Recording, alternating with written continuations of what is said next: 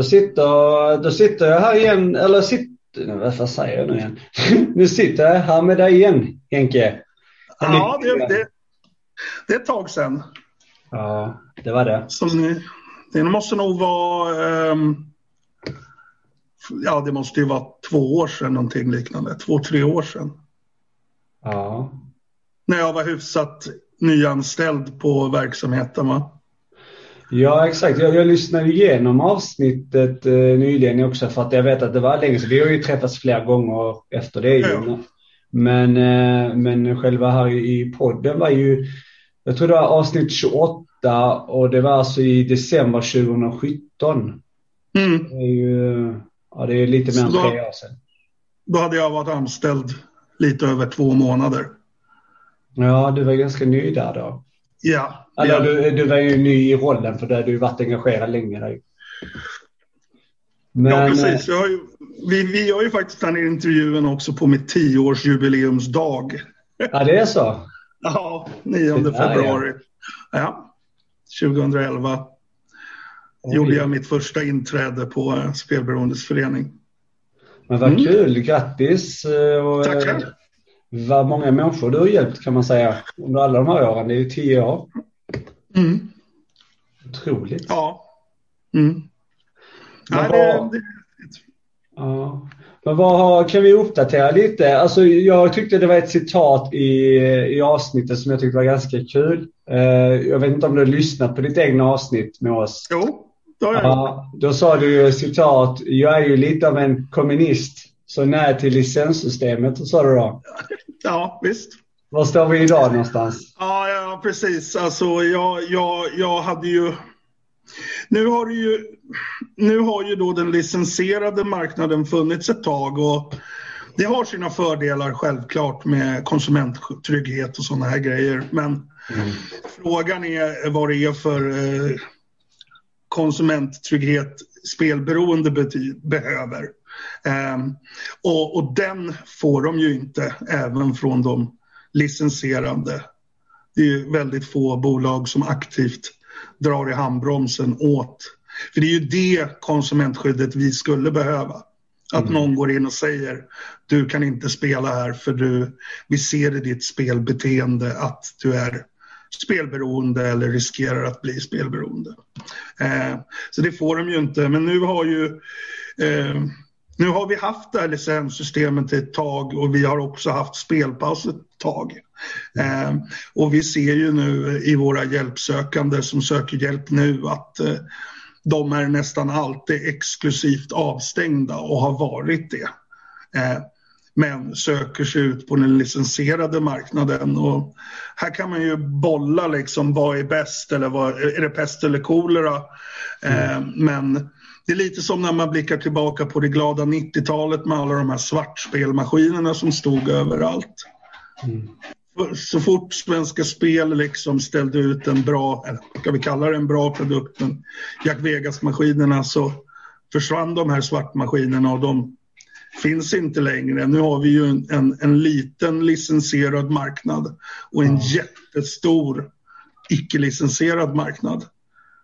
Um, så ja, jag, jag, jag gillar inte, jag gillar, jag, jag, jag tror vi hade kunnat gjort mer nytta utan licenssystemet och varit hårdare på att begränsa möjlighet, möjligheten att spela online. Eh, mm. eh, jag tror det hade varit en tuffare väg, svårare och det hade ju inte blivit några skatteintäkter men eh, jag tror det hade hjälpt oss som spelberoende bättre. Men skatteintäkter hade väl varit ändå, alltså jag menar Svenska Spel och det tidigare monopolet, du betalar ju, alltså du kommer ju in i systemet i alla fall. Absolut, så är det ju. Däremot hade det kanske begränsats eh, med hur mycket pengar som kommer ut ifrån Sverige. Alltså mm. i form ja. av att man spelar på. Ja, men eh, jag tyckte det var fint citat det där. Ja, men, eh, men, vet du, men däremot så tänkte jag för att 2017 i december då, mm. Jag fick ju lite kritik här mitt förra avsnitt jag hade med Tommy Strömstedt som du också känner till väl. Eh, ja, ja visst. Jag snubblade lite på åren där och eh, det är så med covid-19 året som har varit så känns det som att det året aldrig existerar. Så att, det är som att licenssystemet var liksom förra året. Och, ja, alltså, allting, det, det är jättekonstigt.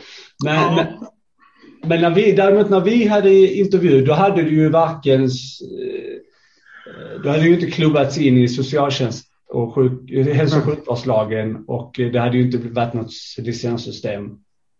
Eh, alltså det var ju ett monopol då. Eh. Ja, och, och det fanns ingen spelpaus heller. Nej, precis. Absolut. Mm. Men hur tycker du att, hur, hur, hur, känner du att det har gått sen du var med här sist? Alltså du, du var ny på kontoret där i Stockholm på Spelberoendeförening. Eh, mm. Nu har du ju varit där många år. Eh, mm. Och du är fortfarande kvar där? Ja, ja. ja. Även om vi primärt jobbar hemifrån då numera.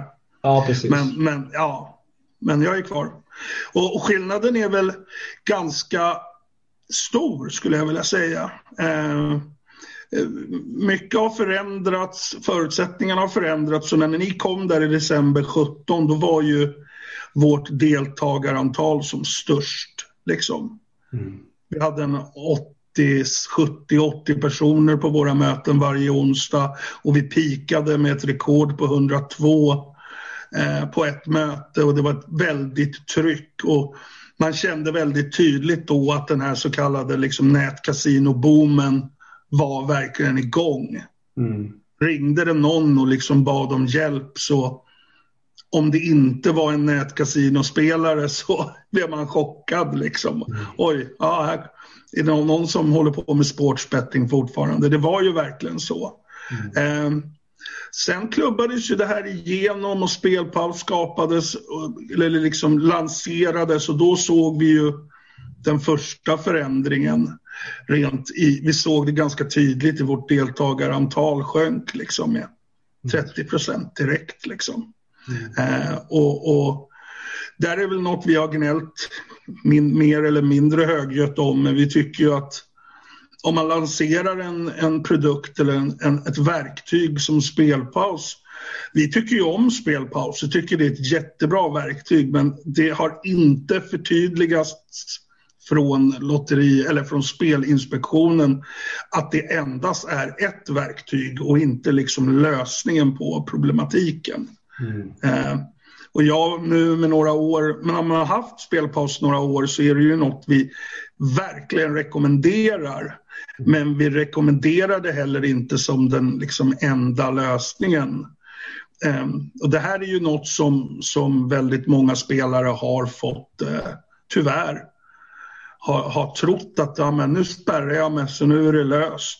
Mm. Uh, och sen letar de sig ut på den icke-licensierade marknaden eller spelar på andras konton. Eller, ja, det är bara att titta på Flashback, liksom på, på Flashback-forumet till exempel och titta på de här trådarna där folk är jävligt kreativa i hur, eh, hur man ska lyckas komma runt det här med spelpaus.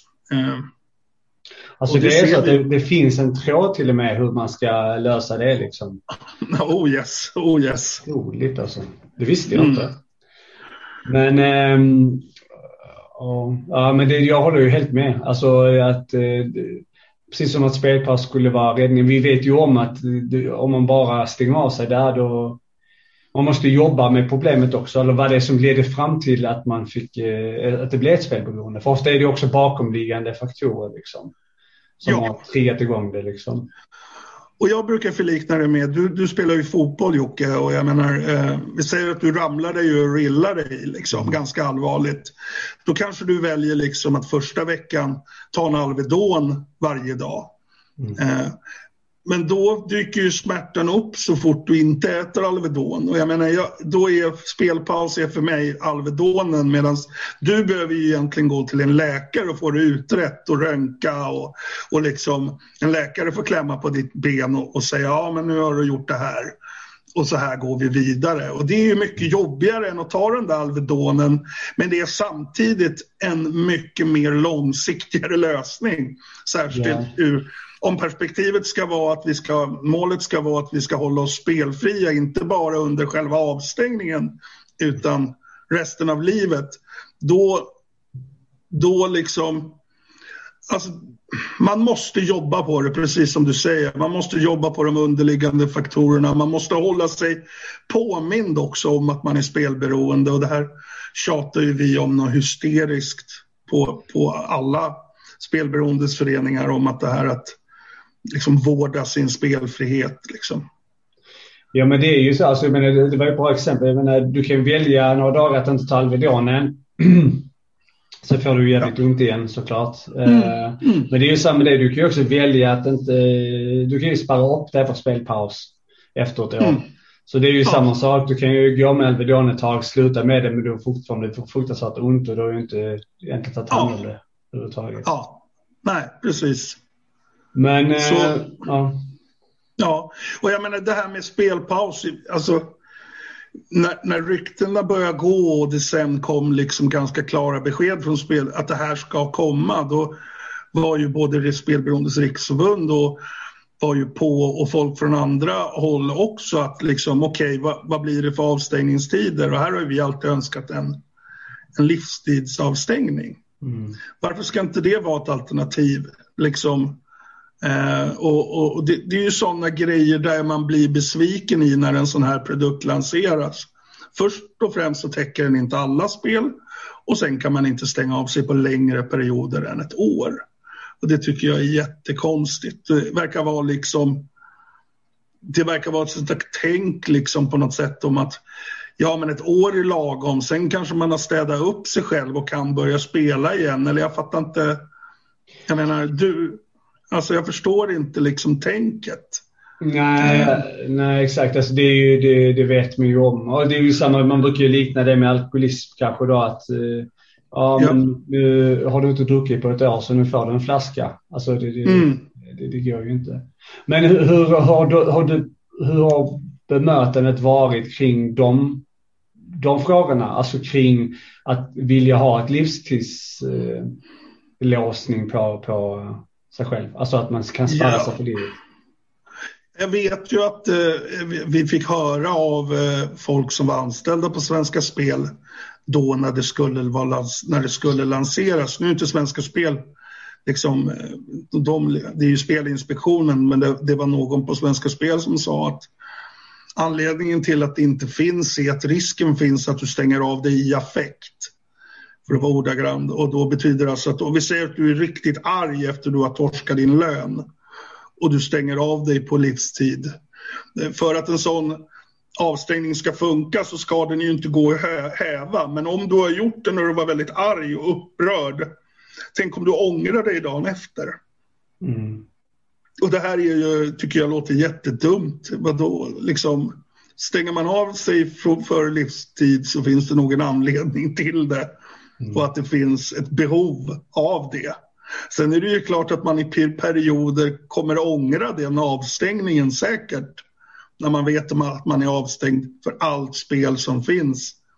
Men så fungerar ju inte produkten. Det här är ju bara fortfarande en liten del av det man stänger av sig för. Det är på de licensierade bolagen liksom. Eh. Ja, exakt. Men det är just så mm. att personen har kommit eh, i fund med att den ska hitta det här spelpaus.se, gå in där och aktivt göra det. Då krävs det inte bara att man är arg och gör effekt. Alltså det, det, det, den, det, att man är arg och gör det effekt, det, det kanske man hade gjort de första tio sekunderna när man skulle säga att matchen inte gick in. Men mm. jag menar att, att ta hela den här processen och gå in på en sida, leta upp sitt mobilt bank-id och du vet, det är ju en jätteprocess. Det hinner många tankar. Eh, så, nej, jag håller inte med där. Om, eh, nej. Det är ganska vagt, eh, vagt eh, försvarstal eller vad man säger, argument. Ja, ja, och jag menar jag tycker det handlar om att det, jag vet ju att i forskningen har man ju tittat på, när man har forskat på spelberoende, så har man ju tittat på forskning som har gjorts på till exempel alkoholism. Och där man har sett en möjlighet bland alkoholister att gå från liksom dricka hejdlöst mycket till att återgå till ett normalt drickningsbeteende, drickbeteende. Eh, eh, och att man då ska försöka applicera det då på spel. Eh, och att det då på något sätt ska kunna gå att återfå ett normalt spelande. Detta är ju något som jag vet att alla som är knutna till eh, liksom, ideella verksamheter runt spelberoende inte håller med om. Jag menar, det, eh, det jag tycker det är idiotiskt att påstå det. Och även om det skulle finnas någon som lyckas eh, återgå till ett normalt spelande så, så tillhör det en sån absolut minoritet liksom att det är inte ens värt att tänka på för oss. Eh, jag tycker det är läskigt också när man får höra folk från Karolinska institutet liksom prata i de här, eh, har de här idéerna liksom. Ja men exakt, alltså det var ju också där, det var ju något företag där i Stockholm vet jag som jobbade väl med att utforma någon form av behandlingsplan där man ska själv få välja en budget. Ja. Alltså att du får lov att spela med en budget när du gör en behandling, att sluta spela. Det finns i flera spelberoende behandlingar här i Stockholm. Inte men, alla. Men hur, alltså det, ja.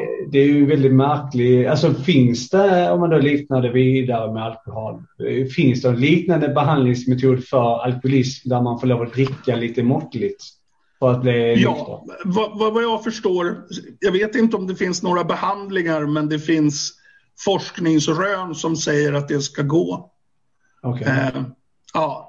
Så om det finns någon behandling, det vet jag inte, men, men eh, forskningsrön säger det att, att man vid alkoholism då i vissa fall ska kunna återgå till en, ett mer normalt dryckesrutiner. Eh, och ja, vi har ju hört folk som har gått på, nu ska jag inte nämna kommuner och sånt, men eh, vi har hört folk som har kommit till vår förening riktigt upprörda då de kanske går hos oss simultant som de går en, en sån här KBT-behandling för mm. spelberoende.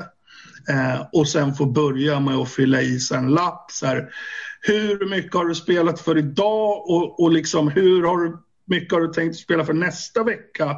Eller efter behandlingen, vad har du för målsättningar?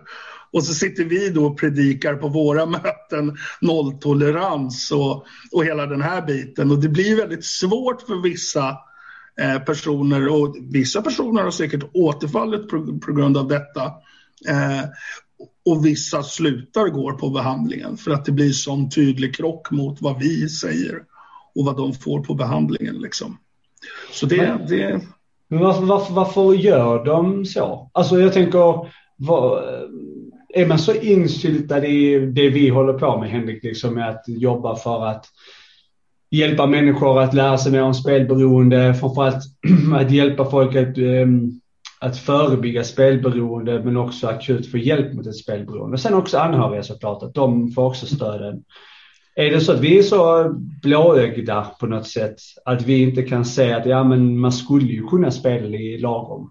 För att de, alltså varför erbjuder de ens den här formen? Men det är ju kliniker. Jag menar, det är därför jag tycker det vi gör är så fint och så bra och så viktigt. Är att du och jag Jocke, vi är ju båda spelberoende. Mm. Vi äger detta.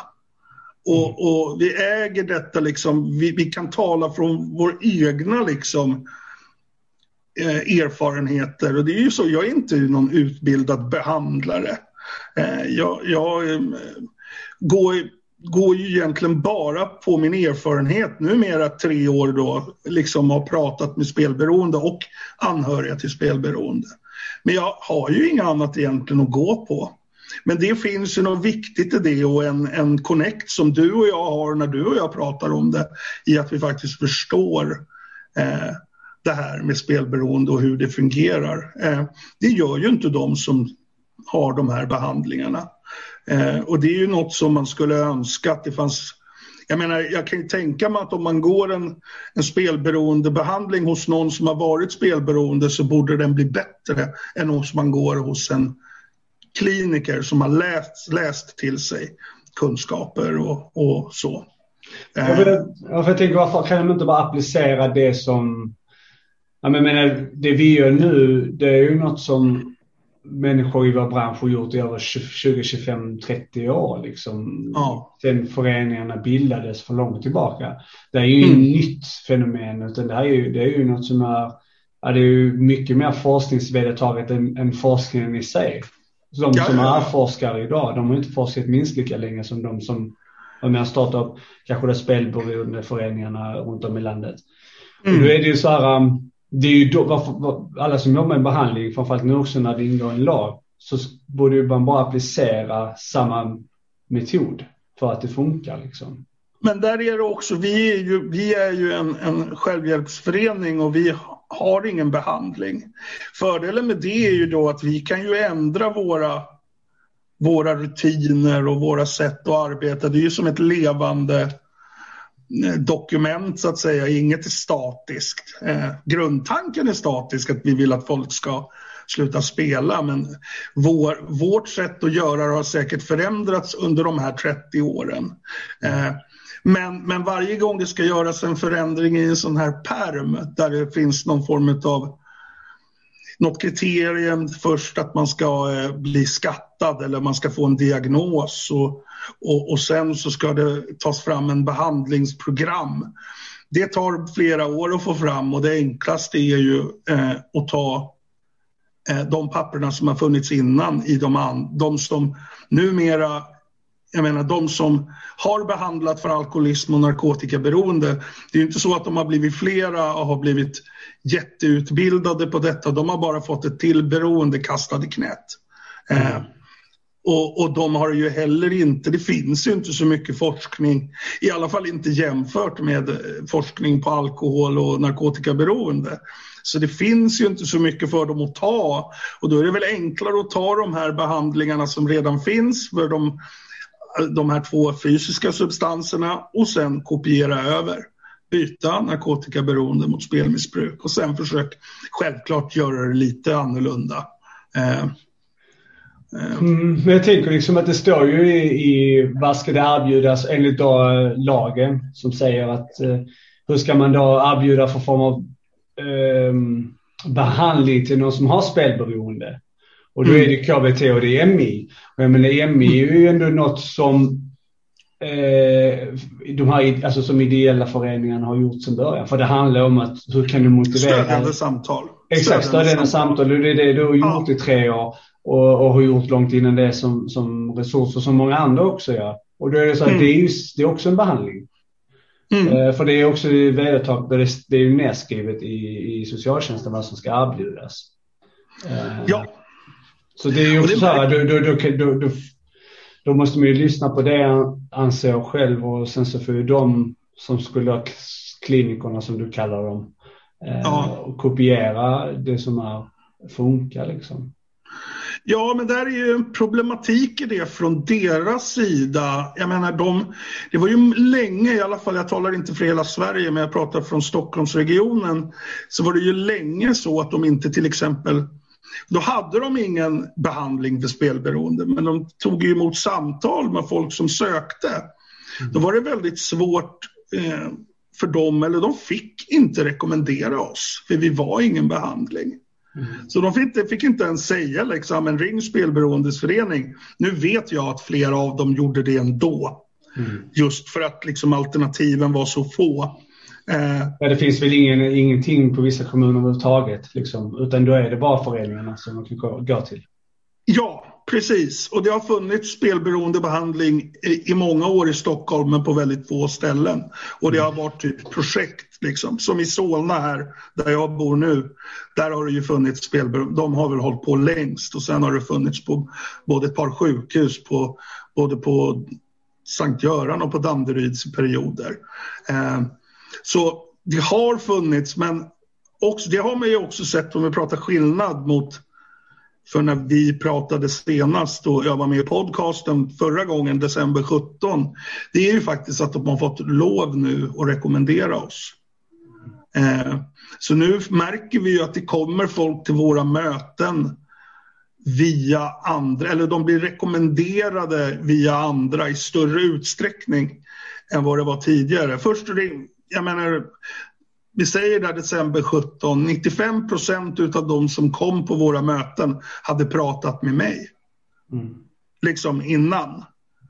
Det var väldigt få personer som kom och sa att de hade blivit tipsade av något, liksom, oavsett från vem. Väldigt få.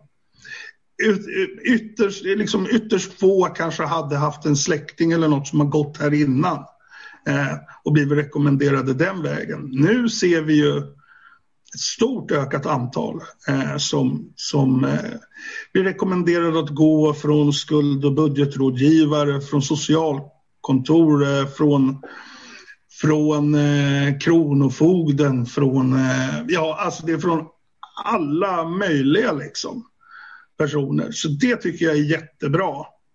Vi har tycker, stor... du, men ty, tycker du liksom att då, har du, då, då skulle du säga att Stockholms kommun sen det skrevs in i socialtjänstlagen efter vårt samtal att det har ändå fungerat väl där?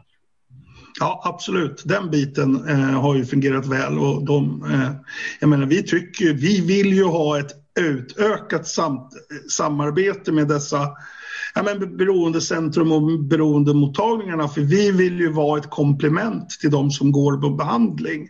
Mm. Det finns ju då, jag vet inte om du och jag pratade om det 2017, men vi har ju alltid oroat oss för de här tidsbestämda behandlingarna. För när man hör ordet behandling, det låter som, okej, okay, då blir jag av med något.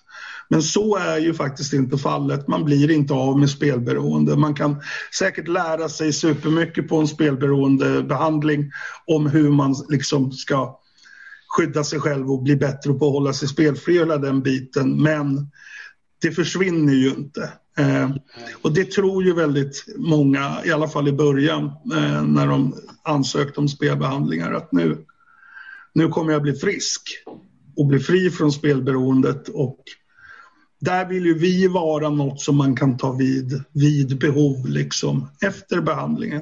Går en spelbehandling på spelberoendebehandling på 8 till 10 veckor och sen använd oss som en liksom efter, form av eftervård. Liksom. Ja, det är väl det som skulle vara det optimala för att de jobbar ju inte med eftervård där eh, överhuvudtaget utan de tänker att då är man frisk om tio veckor.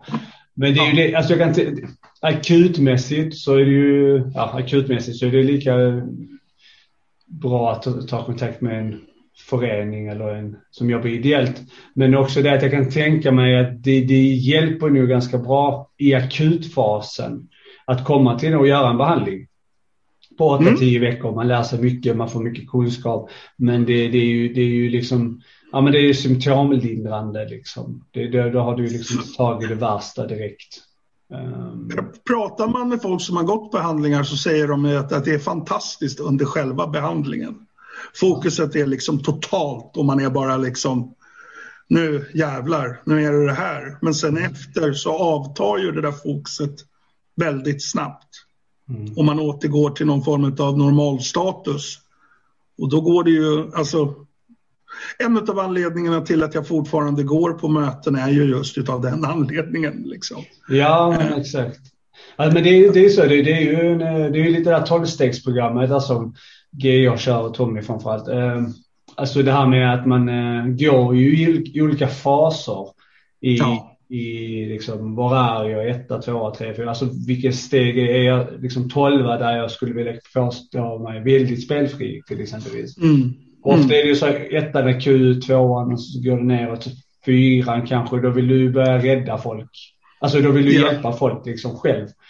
Och sen ja. den här romansen på något sätt av, av din insikt och vad du, det, det mattas ju av och till slut kommer man in i en annan fas. Mm. Det är den här liksom, hur ska vardagen se ut nu liksom, och hur ska jag mm. Det är som en ny förälskelse liksom vi är ju inte heller stöpta i samma form liksom, utan alla måste ju gå igenom det här i olika, liksom, man, man, precis som du säger, man hamnar i olika faser och de kommer inte, min resa har inte varit exakt som din eller vice versa. Mm. Eh, och även om vi delar massor med liksom kompon komponenter så kan det vara så att jag till exempel har ju nästan aldrig känt spelsug på tio år. Mm vilket folk som har spelsug hela tiden tycker är helt fantastiskt. Nej men gud vad enkelt du måste ha haft. Ja, fast det finns ju en falsk trygghet i det. För när jag gick omkring och inte kände spelsug, då började jag nästan tro på att jag inte var spelberoende. Ja, exakt, exakt. Ja. Men sen också det här hur man ska hantera något negativt som dyker upp. Liksom. För det är ju där ja. den största rädslan är. Jag är ju samma som du, jag är ju samma, jag har inte haft, det har kommit till och från men det är väldigt, väldigt lite liksom. Och det känns som att mm. man aldrig har varit spelberoende liksom. Nej. Och det, då är det ju, för då är man inne i något farligt som du säger. Uh, för då kan allt hända liksom. Ja, och jag menar, jag som tur var är ju beroende, liksom, det är inte bara spel, jag är ju en beroende personlighet. Så att jag kan ju se mitt beroende i andra beteenden som liksom ja. inte är skadliga för min, för min ekonomi eller för min hälsa. Liksom. Men, men jag vet ju att det finns där, som tur är. Eh, och eftersom jag jobbar med detta så får jag ju väldigt mycket gratis i min liksom, vardag genom att hjälpa, prata och hjälpa eh, eh, sök, hjälpsökande. Det har jag ju gratis liksom, via arbetet. Liksom. Men där är man inne på det där med symptom. Eh, alltså har man väl börjat jobba med liksom, vad är det riktiga problemet, det är då du kan också identifiera dig själv som en beroende person och att du också är mycket mer noggrann av att oj, nu börjar det, nu börjar det spåra ut med godisätandet här. Till exempelvis mm. eller något annat. Så jag, oj, nu bör, har jag köpt alldeles för mycket kläder. Alltså att man helt mm. plötsligt är mer observant på, på andra delar som, som också ja. kan leda till något ja. effektivt. Ja, absolut. Men jag tänkte höra hur, ehm, hur, eh, hur är situationen nu? Nu är det ju en pågående pandemi. Ni har, eh, du sa att ni har ju gått över nu digitalt också mm. till eh, ja. möten online. Ja. Hur, hur har den här omställningen varit för både där, alltså ni då som jobbar? För nu, mm. nu är det ju inte bara du längre, nu är det, har du kollegor också. På... Ja, Ja, jag menar, alltså, Stockholmsföreningen var ju sist på. Vi kämpade ju på med våra fysiska möten. Eh, fördelen med vår lokal är att den är ganska stor. Vi kände oss ganska trygga i det här. Men när de här eh, restriktionerna kom som kom i oktober, september, oktober, då bestämde vi oss för att gå över till digitala möten. Eh, och jag måste ju säga det att jag är ju en sån här framstegshatare på något sätt. Jag gillar ju de fysiska mötena. Jag trodde aldrig att det skulle kunna bli bra att ha digitala möten. Men jag måste säga faktiskt, ta i trä, att det har varit riktigt bra.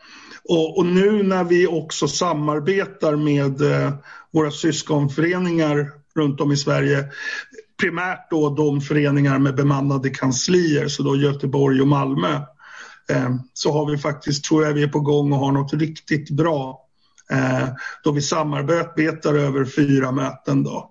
Eh, måndag, tisdag, onsdag, torsdag 18.30 till 19.50. Och vi har gjort det så enkelt som möjligt för deltagarna att vara med. Du kan vara med anonymt. Du, kan, du behöver bara klicka på länken som finns på vår hemsida för att ta sig till mötet och det har funkat väldigt bra. Eh, då måste vi också ta, ta oss över den här teknikpucken, liksom att, att lösa det tekniska och det har funkat eh, eh, förhållandevis bra. Och mötena håller för var förhållande god kvalitet också. Och dessutom nu med att det är folk från liksom Bålänge, Malmö, Göteborg, det är Trollhättan, Stockholm och det, det är från långt norr upp och liksom det är intressant också att ha, få den aspekten och inte sitta i sina invanda grupper som man alltid gör tidigare. Liksom. Eh, så så ja, jag tycker det är spännande. Nu är det bara det tredje veckan nu som vi kör eh, gemensamt. Då. Eh, så det, det är superbra. Men hur har det varit med hur verksamheten, hur, har ni märkt av um har det, har det varit någon ökning eller minskning kring eh, eh, folk som hör av sig innan pandemin? Jag tänker mycket på permitteringar och arbetslöshet och, och liksom det är mycket psykisk, psykisk växer ju nu under den här sociala isoleringen. Är det något som, som ni märker av också i föreningen? Ja, alltså jag tror jag tror om man, om man backar bandet ända till spelpaus infördes då vi såg liksom ett neråt-dipp mm. i både hjälpsökande och mötesgående så har den legat ganska konstant fram till nu. Vi har inte sett någon ökning och vi har väl inte sett någon jätteminskning heller. Eh, eh, vi har väl någon tes om att så länge pandemin pågår och samhället är, det är ett sånt osäkert läge i samhället så tror jag nog att vi kommer nog få vänta på smällen ett tag för att vi har ju någon te eller en teori om att först spelar man, sen söker man hjälp. Man gör liksom inte båda samtidigt. Och vi vet ju att det spelas mer i Sverige nu igen, att det är på väg uppåt. Mm. Jag menar nu har ju dessutom reklamen rullat igång igen. Spelbolagen har reklam, råd med reklam igen. Um, och man börjar se dem poppa upp i tv ganska ofta. Så att jag tror det spelas ganska bra i Sverige just nu. Uh, men vi har inte sett någon... Uh, däremot så har vi ju hört de här historierna av de som söker hjälp. Liksom jag är permitterad, sitter hemma och rullar tummarna. Och då kan det ju ha varit också folk som har gått hos oss tidigare, alltså vi säger för tio år sedan och har en lång spelfrihet och så blir de permitterade och så sitter de hemma och har ingenting att göra eller får spark, blir uppsagda eller åker på covid och ligger hemma i tolv veckor utan några direkta symptom och, och klättrar på väggarna. Mm. och sen återfaller. Så det blir en, det blir en annan typ av hjälpsökande under den, den här eh, eh, perioden covid-pandemin. Liksom. Mm. Marco, jag kollar inne på spelverk. Det är ju väldigt många som har spärrat sig det här året också. Mm. Är det inte, mm. är det, nu vet jag inte hur siffran ser ut, men jag tyckte det var 60 ja. tusen. Ja, 60 plus. Det är ju väldigt, väldigt många. Alltså, eh, ja. Och, um, hur funkar det där systemet egentligen? Är det som har spärrat sig bara det här året eller är det det som har spärrat sig totalt sedan de startade? Det är det vi inte vet. Det vet vi inte heller. Vi vet inte hur många av de här som är anhöriga som stänger av sig. Eller som är ens i riskzonen. Jag menar, ja, vi, vi, vi vet ju att folk har stängt av sig i sympati. Vi kallar ja. dem sympatiavstängningar. Ja, ja, min min polare Jocke speltorsk, då stänger jag av mig också. Mm. För att visa liksom, man visar, jag måste visa för Jocke att det går att stänga av sig här. Mm. Eh, vi vet ju inte vilka de här är som stänger av sig. Eh, och det skulle vara intressant om Spelinspektionen kunde komma ut med lite mer detaljerad statistik om detta. Eh, man behöver ju inte gå ut med namn, men eh, man kan ju nej, i alla fall nej, göra nej, någon form av forskningsunderlag med, med ålder och, och kön och, och så här kanske. Eller om de själva varit spelare, men det är väl också svårt eller? Alltså det, det är inte så att du skriver in när du spärrar dig. Jag minns inte nu för jag har faktiskt inte sparat om mig igen och det borde jag göra. Eh, men mm. skitsamma jag vill minnas, skriver man, står det så här, är du spelberoende? Det gör det inte va? Nej, nej, nej. Det är bara att vill du spärra dig, ja, och så säger du mobilt ja. bank-id och sen är man spärrad. Du borde ha en funktion att det står, har du problem med spel, ja. Ja, och jag, jag, vi vet ju inte heller hur det funkar och hur, statistiken exakt loggas. För nu är du, nu är din nu har ju du möjlighet att häva din, din avstängning. Och det, är ju tyvärr så att, det är ju tyvärr så att du måste gå in och häva den helt om du ska förlänga den. Du kan liksom inte lägga på ett år mm, som det skulle vara det optimala. Mm. Eh, och hur ser det då ur statistiken? Då försvinner du ur statistiken då när du häver den. Men sen kommer du in igen och räknas du då som två personer. Ja, Förstår exakt, du jag tänker? Exakt, det är det jag I statistiken. Um, det här är något, och vad händer med alla de här som, jag pratade med en kille idag, en hjälpsökande som stänger av sig en månad i taget. Ja. Hur, ja, många det, pluppar, hur många det är sex gånger i så fall. Ja, precis. Mm. Precis, liksom. Jag, jag menar, eh, ja, det skulle vara intressant att se liksom. Eh, mm. um, och jag ja. undrar ju också, jag skulle ju vilja veta, och det är det svåraste, hur många, hur många som har stängt av sig på spelpaus har spelat under sin avstängning. Det skulle ju vara superintressant. Ja. Pratar man med liksom Boost då, eh, till exempel, ni vet, eh, eh, alltså Boost, alltså eh, ja, exakt, branschorganisation. Ja. Ja, ja. Pratar man med dem så, så, så, så är det en stor andel, anser de. Alltså som, spe, de, som spelar på den olicensierade marknaden? Ja, liksom. mm. ja, är också avstängda. Och det är ju någonting som vi misstänker eftersom nästan alla som söker hjälp är spelpausade. Och då är ju liksom den licensierade marknaden oaktuell för dem. Liksom. Då måste de spela på icke-licensierade eller låna någon annans personnummer då självklart kan man ju göra. Eh, om man vill vara kvar på. Är det någon som har sammanställt hur många eh, spelbolag som finns på den olicensierade marknaden?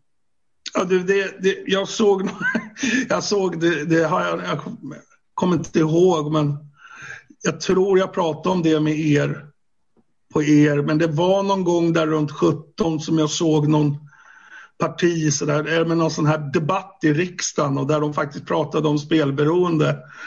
Och då så sa han, liksom, han hade, det var någon, som, någon politiker som talade och som hade tittat på den kanadensiska marknaden som exempel. Och, och där fanns det 1500 till 2500 aktörer. Och eh, som, som, ja, och jag menar, vi måste ju, om, om, om, om man skulle gå ut och tråla internet på alla nätkasinon som du och jag kan spela icke-licensierat så måste ju det vara flera tusen eh, mm. som, som finns tillgängliga för oss. Liksom. Och så illa är det. Och vad, hur många är det som har licens? Det är väl hundra någonting? Va? Är det, 100 så det, är, det är hundra företag och sen så har ju de olika dotterbolag. Ja, så vissa, för, vissa som Kindred köpte ju en licensiering för alla sina och sen har andra köpt en individuell för varje dotterbolag. Liksom. Så det, men det måste ju vara i alla fall en 200 olika liksom, skal eh, ja. som är licensierade. Liksom. Men det är ju inte, det är inte ens kanske 10 procent av vad som finns där ute. Nej, jag tror inte det är ens är 5 procent. Mm. Jag, tror, det... jag tror det är 3 procent typ av, vad, som, av vad, vad man kan nå via internet. Men det är väldigt läskigt att det är så. Men det är också där att jag hade ju samtal med Adalan, jag vet inte om du hörde no. det. Jajamensan. Det är ju också så svårt det här med hur man ska Alltså just när man ställer frågor liksom. Eh, man måste skicka in frågorna på förhand och följdfrågorna är ju ganska begränsade. Jag drog till med några ändå. Men det är så här. Eh, det skulle vara väldigt, det är väldigt så här styrt liksom. Men då är ju den här frågan om just IP-blockering och det, den vill man ju liksom köra vidare på. Jag fattar inte. Det, det, det snackas ju mycket om, ja du ni ska ju röka ut de här olicensierade, de som inte ska vara med. Och, liksom, men det händer ju ingenting. Nej, och hur ska de göra det? Och dessutom när de här olicensierade bolagen har ganska stora plånböcker och alltid ligger tio steg före de statliga. Liksom. Om staten har kommit på någonting, nu ska vi göra så här för att begränsa. Och jag vet ju till exempel jag har hört olika sådär, ja, men vi, vi, kan inte förbjuda de här bolagen och vi vill inte göra IP-blockning, men vi kan begränsa deras möjligheter att ta emot pengar ifrån svenska banker. Ja, men det är bra. Det är jättebra. Problemet är att det dyker upp så 28 nya betalningslösningar varje månad. Man hinner ju inte ens med i den trenden. Mm. Jag menar, först har vi Trustly, vi har Paysafe, vi har alla de här jävla korten man kan köpa. Eh, Eh, på, på, liksom, på, på vilken kiosk som helst mm. och komma runt sådana här prylar. Eh, och jag förstår inte hur man ska kunna blocka. Jag tror faktiskt Amerika är de enda som har gjort det korrekt och gjort det kriminellt. Mm. Eh, alltså det är kriminellt för, för spelare att spela och det är kriminellt att idka verksamhet mot USA. Och, och om du skulle gå in mot ett nätkasino och sitta på en amerikansk IP-adress så kommer bilden scramblas. Du får upp sådana här varningsmeddelanden. Så vi, vi, vi har det under koll. Eh, vi ser det. Ja, ja, men det är verkligen så. Det kommer upp varningstexter från FBI och det är liksom helt sinnessjukt. Men samtidigt, de har inget problem med nätspel i USA. Mm. Ironiskt nog. Eh, eh, de har mycket problem med annat i landet, men inte med nätspel. Och det är, jag menar, NFL är det andra laget som, eller andra sport, andra sportligan som man nu kan betta på lagligt i Amerika om du inte bor i Las Vegas eller ja, Atlantic City Arena då, där man får spela. Mm. Eh, det är stränga regler men det funkar ju. Liksom. Jag tänkte höra med dig också om eh, vad, vad, det, vad händer nu? Eller vad, vad, vad är viktigast idag känner du? Alltså att dra i vilka politiska debatter eller annat känner du är eh, viktigt nu? Ja, eh, det som behöver dras i är ju möjligheten att låna pengar i Sverige, tycker jag, för oss spelberoende. Det skulle nästan vara... Jag menar, nu har vi fått in spelberoendet i socialtjänstlagen.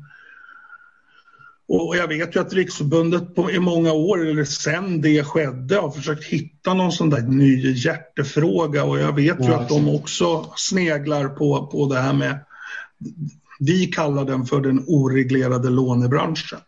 Eh, de som sköter det här med reglering av lån och sånt tycker ju den att, att den är väldigt hårt reglerad. Men för, för spelberoende personer så den största smällen de får ta är ju ekonomisk. Det är i alla fall den som känns först.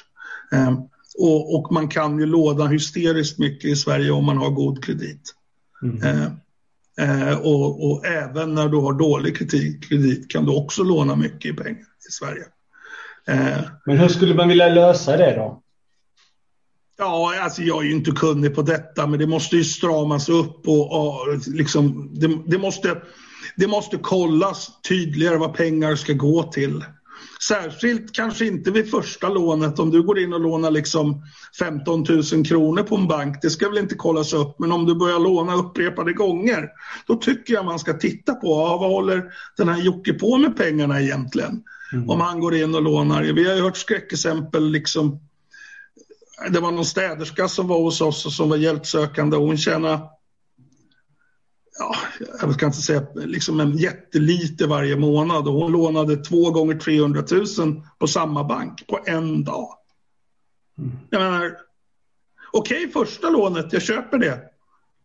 Men andra lånet liksom, det är bara hallå, dra i handbromsen, gå in och låna 300 lök på förmiddagen och säga nej, det räckte inte, vi tar 300 till. Alltså det är så snurrigt så att det är ju såklart ett skräckexempel åt det extrema hållet.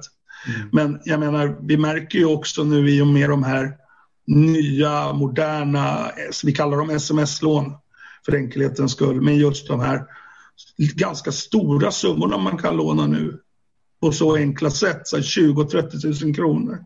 Och folk tar två, tre stycken sådana där och räntorna är så höga så att de går inte runt liksom på må en, liksom, de tjänar bra men har inte råd att betala liksom, de här lånen för att räntorna är så enorma liksom. Eh, så att, eh, mm. Men hur tänker du, alltså, det är just att man tänker ju så här, det är ju väldigt komplicerat frågor. Jag håller ju med helt och hållet. Jag tycker, eh, mm. eller men liksom en spelpaus.se fast lånepaus.se är en bra idé. Mm. Ja. Men det är också det här hur lätt man kan låna mycket på en gång. Alltså ja. du kan, det är ju så här, det borde ju vara ganska enkelt. Har du gjort en låneansökan någonstans, du gör ju ett UC ju, eller ofta är det ju sådana UC du får. Ja. Och, um, där borde ju bankerna kunna, att man ställer krav på bankerna att så fort någon har skickat in en förfrågan så ska den behandlas innan man kan få en förfrågan någon annanstans. Så att man blir ja. direkt nekad alla andra banker efter ja. första förfrågan. De har, ja, kommit, de har kommit någonstans. Ja, alltså, jag menar just hur man kan lösa problemet, för det här är ju det största problemet som en spelberoende har. Det är ju just ja. att den får leva med en ekonomiskt förfall i hela livet egentligen. Alltså, mm. ja, det tar så illa kan det många, många, många år innan man kanske ja. betalar tillbaka allt. Ja. Om det ens går. Liksom. Ja, ja, ja, men precis.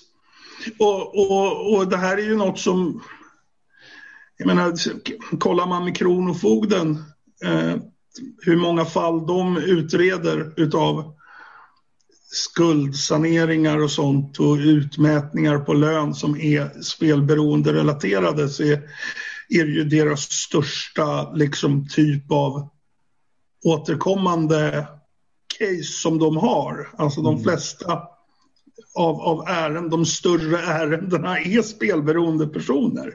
Ja. Och jag tycker liksom att det är läskigt. Jag, vet, jag tror det var Umeås eh, kronofogde eh, som gjorde någon, de gjorde något så övergripande över ett år och såg att 70 procent var spelberoende relaterat. Så det är ju rent läskigt alltså. Ja, det är läskigt. Ja. Det ser man också på Lyxfällan så är ju eh, åtta av tio som är där och har problem eh, har ju spelberoende, alltså har någon form av spelproblem mm. i grunden. Det kanske ja. inte uttalat spelberoende men att de, det är alltid så i mellan raderna, men jag spelar lite för mycket eller någon säger eller så är det ja. någon som kanske varit ute och sagt att de har ett spelberoende. Så det, men det är alltid någonting med spel. Om inte det är oftast det är också köpberoende såklart men spelet ligger nära. Ja, ja, ja, och jag menar alla de här pengarberoendena är ju spelberoendets kusiner. Mm. Vi har ju även köpberoende personer som går hos oss. Mm. Just för att det ligger så nära så att man kan relatera till det vi pratar om på, mm. på, på våra möten. Liksom. Eh, sen en annan grej som jag tycker, alltså det, det, är en, det, det, är en oroande grej, men det är ju de här jäkla spelen för barn som, som designas på, alltså de här särskilt mobilspel som designas så att de ser ut som nätkasinospel. Eh, mm. och jag, jag, förstår inte riktigt, eller jag förstår varför de här usla jävla människorna designar dem. Det är för att tjäna pengar självklart. Men, men det skapar ju en oro i barn i 10, 11, 12 års åldern som redan har sett, hört hur ett nätkasino låter liksom långt innan man ens börjar kalla sig själv för byxmyndig. Liksom.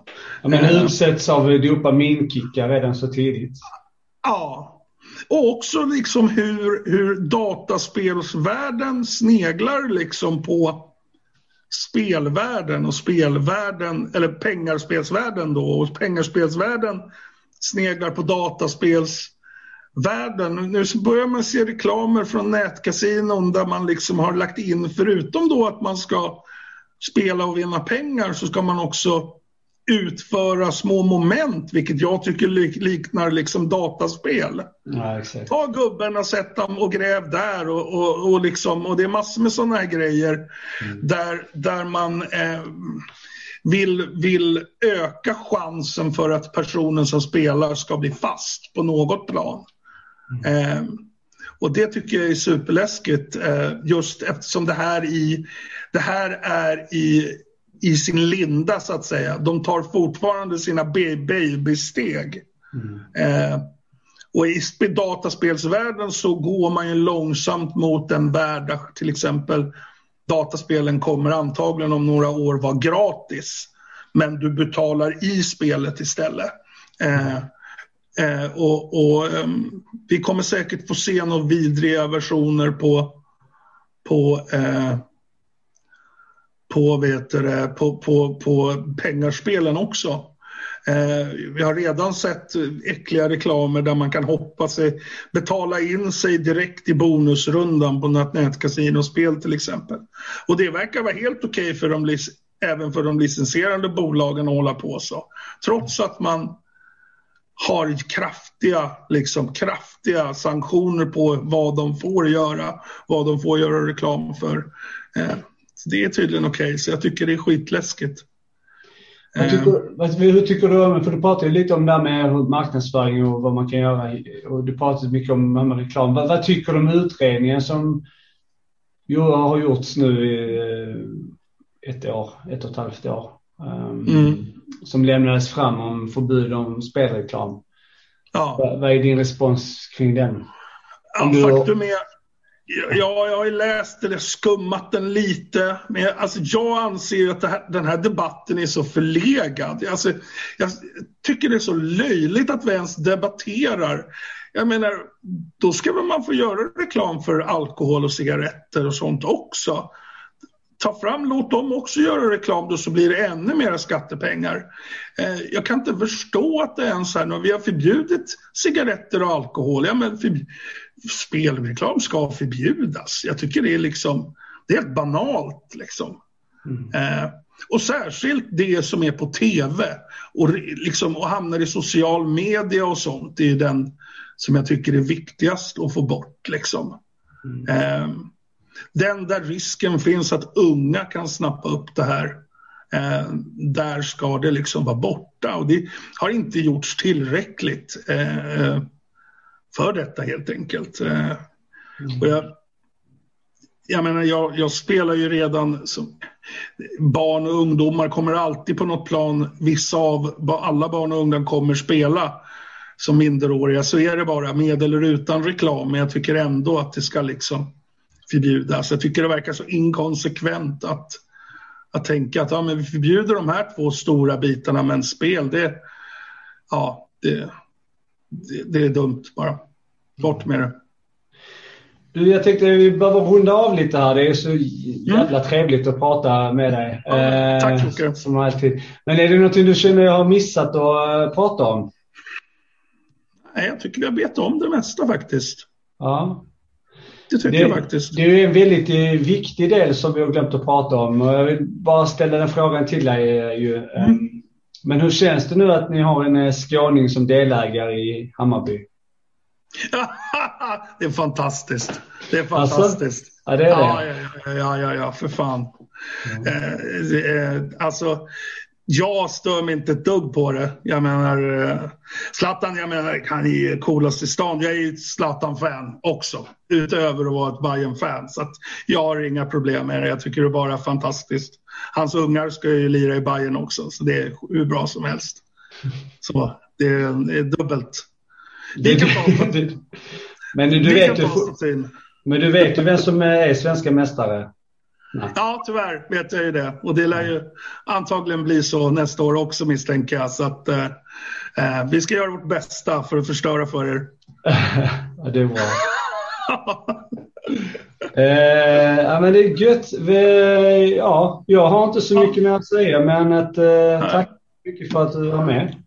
Inga problem Jocke, du är supertrevlig som vanligt och eh, bra, bra snack. Och jag menar, det, sådana här grejer behövs det mer också, liksom poddar och sånt som belyser den här problematiken. Och där tycker jag du kämpar på jävligt bra och, och drar ditt strå till stacken, så det tycker jag är grymt.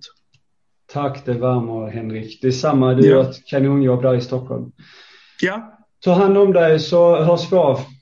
Detsamma kompis, ha det bra. Hej. Hej. Música